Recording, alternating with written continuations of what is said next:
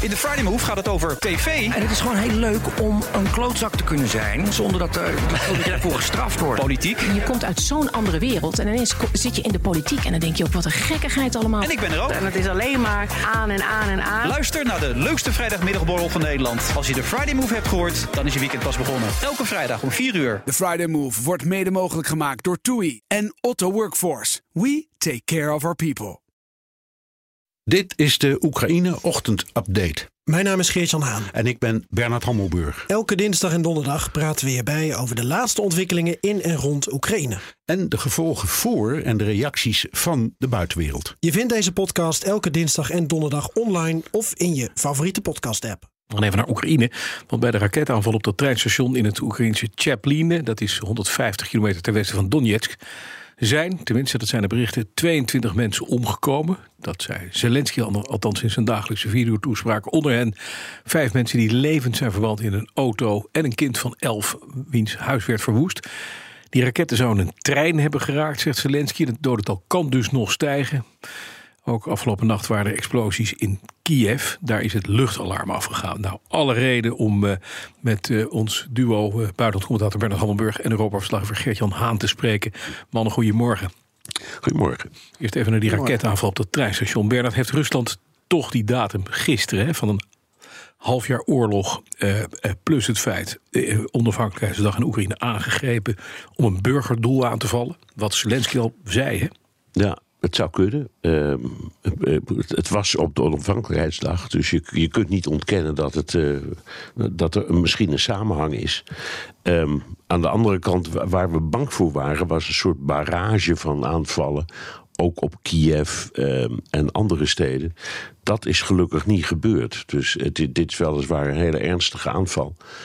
Maar hopelijk eh, in die zin alleen maar een incident. eh, en het is niet een kwestie van eh, een, een, een nieuw offensief naar aanleiding van die onafhankelijkheidsdag. Dus ik, ik weet het niet, maar ik, ik, betwijfel of dat nu juist precies Daarom. daarom op dat moment is gedaan. Het is de tweede keer hè, trouwens dat er een, een treinstation wordt gebombardeerd. Allegedly door de Russen. Toch, ze blijven burgerdoelen aanvallen, Bernard. Jazeker. En ehm, eh, kijk, die de treinstations hebben ook strategisch wel betekenis, omdat eh, de treinrails dan ook wordt beschadigd. En er wordt heel veel.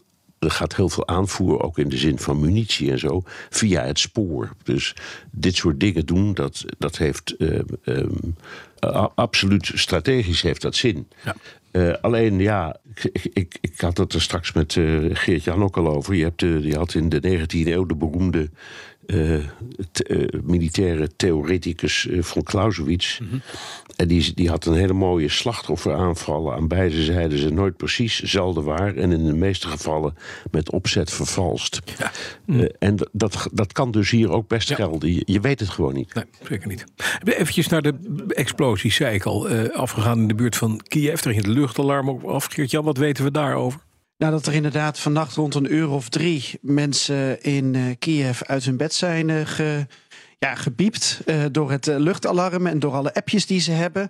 En er zijn eh, raketten neergekomen in Vizhorod. Dat is een wijk helemaal in het noorden van Kiev. Er zijn ook raketten neergekomen aan de grens van Belarus met Oekraïne.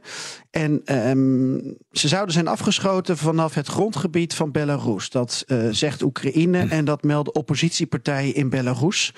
Eh, en dan zou het om eh, ongeveer zes raketten gaan die dan vannacht eh, vanaf dat grondgebied zijn afgevuurd. Ja. Mocht dat waar zijn, dan is dat vrij cynisch, omdat Lukashenko gisterochtend Oekraïne feliciteerde met de onafhankelijkheidsdag en vredige luchten aan Kiev ehm toewenste. Toewenste. Ja, dank u wel. Om Ja. vervolgens... eh, Ehm, ja. als ik nog één ding over die treinstations mag zeggen. Want de beelden uit de buurt van de Chaplinie. ehm, dat was een, een, een, een trein die echt op het spoor stond. Met wagons die in brand zouden staan. eh, Ja. Als je de beelden en Zelensky mag geloven. En die andere avond was op Kramatorsk op mensen die op een station aan het wachten Dat waren. is waar. Ja. Ehm, is natuurlijk allebei wel het spoor. Maar ik denk, als je kijkt naar eh, de flinke intensiteit van aanvallen van Rusland. gisteravond en vannacht. Allemaal eigenlijk gericht op infrastructuur. Heel veel infrastructurele doelwitten. Eh, we hebben eerder gezien deze oorlog dat er dan van Russische kant wel eens iets misgaat. Dat ze al dan niet per ongeluk burgerdoelen raken. Maar wat je ziet van alle eh, regio's in eh, het oosten, in het zuiden. Alles wat bestookt wordt door Rusland, dat lijkt een infrastructureel doel te hebben. Ja, ja, precies. Als we kijken naar de progressie op dit moment, hè, een half jaar oorlog. Want wat zien we dan op de kaart? Want het lijkt erop inderdaad alsof het hele offensief van de Russen totaal gestokt is. Gewoon vast staat. Ja, dan Eh. kom je een beetje uit bij Bernardsen eh von Clausewitz. Eh, aan de ene kant hebben we het gerenommeerde eh, Institute Study of War. Dat eh, gisteren weer publiceerde eh, hoe het gaat met de voortgang van Rusland in Oekraïne. Nou, de afgelopen 40 dagen hebben ze een gebied heroverd ter grootte van Andorra.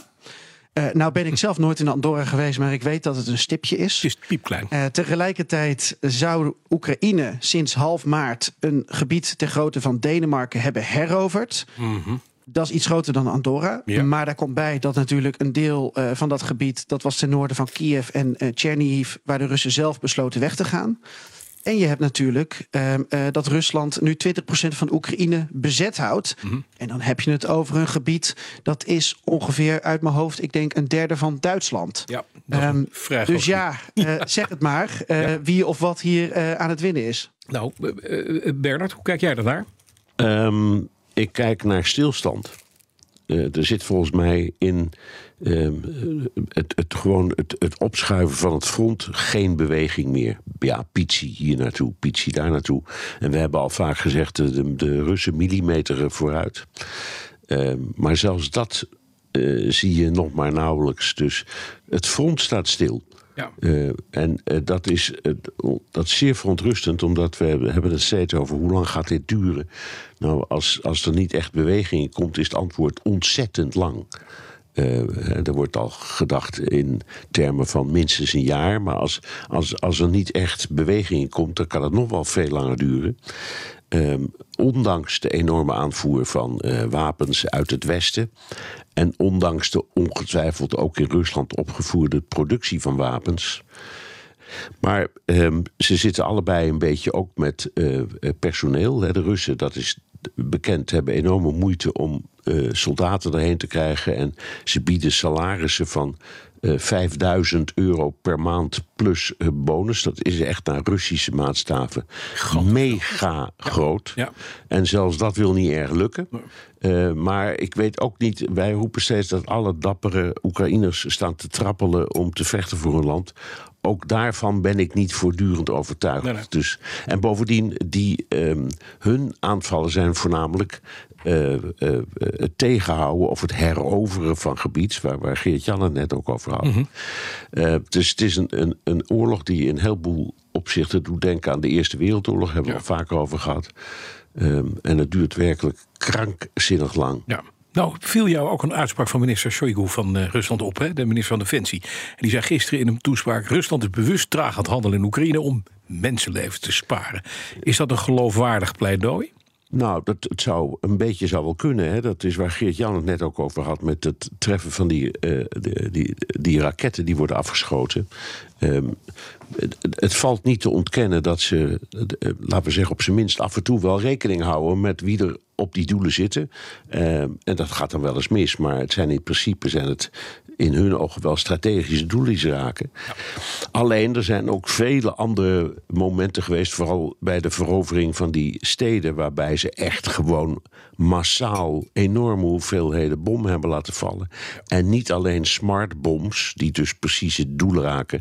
maar ook de zogenaamde dumbombs. Dat zijn dus een beetje wat oudere projectielen. Ja, die komen ergens neer, weet je, je weet nooit precies waar. Alleen raakt. ongeveer in het strijdgebied, ja. Dus het is een beetje een wisselend beeld. Het feit dat hij dat zegt, kan erop duiden, nogmaals... dat ze echt wel uit, een beetje proberen uit te kijken eh, op wie ze wel niet schieten. Maar het kan ook een excuus zijn voor die eh, oorlog die maar niet vooruit wil. Ja, nog, nog eventjes, uh, Jan, naar het andere. Want we zijn nu een half jaar verder. Hoe staat het met slachtoffers aan beide zijden? Weten we er iets over? Ja, dat zijn gekleurde cijfers. Eh, Oekraïne eh, meldt dat er eh, ruim 45.000 eh, Russen zouden zijn omgekomen in, in Oekraïne. En dat ze zelf 9000 eh, dode soldaten hebben te betreuren. En als je dan kijkt naar burgerdoden, dan heb ik even bij de Verenigde Naties gekeken om toch een soort van onafhankelijke bron erbij te kunnen pakken. En die hebben het over 5600 burgerdoden en ongeveer net zoveel gewonden. Ja, dat cijfer is natuurlijk ongelooflijk aan de lage kant. Alleen al Ja. wat er in Mariupol is gebeurd, ehm, zou dit getal kunnen overstijgen. Maar dat geeft aan hoe ongelooflijk moeilijk het is om zulke dingen te monitoren. Want je hebt gebied dat, het, dat dus bezet wordt en weer heroverd. Je hebt ehm, enorme kraters waardoor je lichamen niet kan identificeren. Ja, precies. Eh, we hebben gezien in, in, in Bucha wat er, eh, wat er ook gebeurt. We hebben Mariupol. Het zijn zoveel verschillende varianten in dat enorme land. Dat ik snap dat we hier eh, nog geen goede cijfers van hebben. Nee. Nog één ding wat we moeten bespreken. De Duma komt vandaag bij elkaar om te praten over die kerncentrale in Zaporizhia. Wat verwachten we daarvan, Bernard?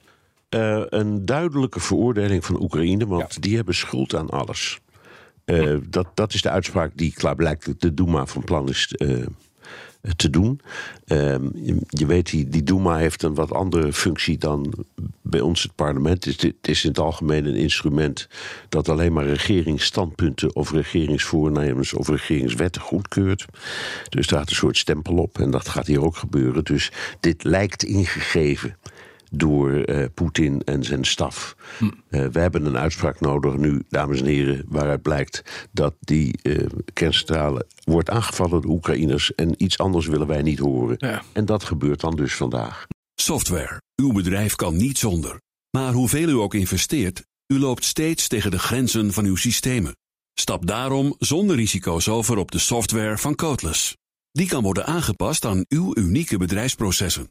Welke ambities u ook heeft, uw software is er klaar voor. Kijk op slimsoftwarenabouwen.nl.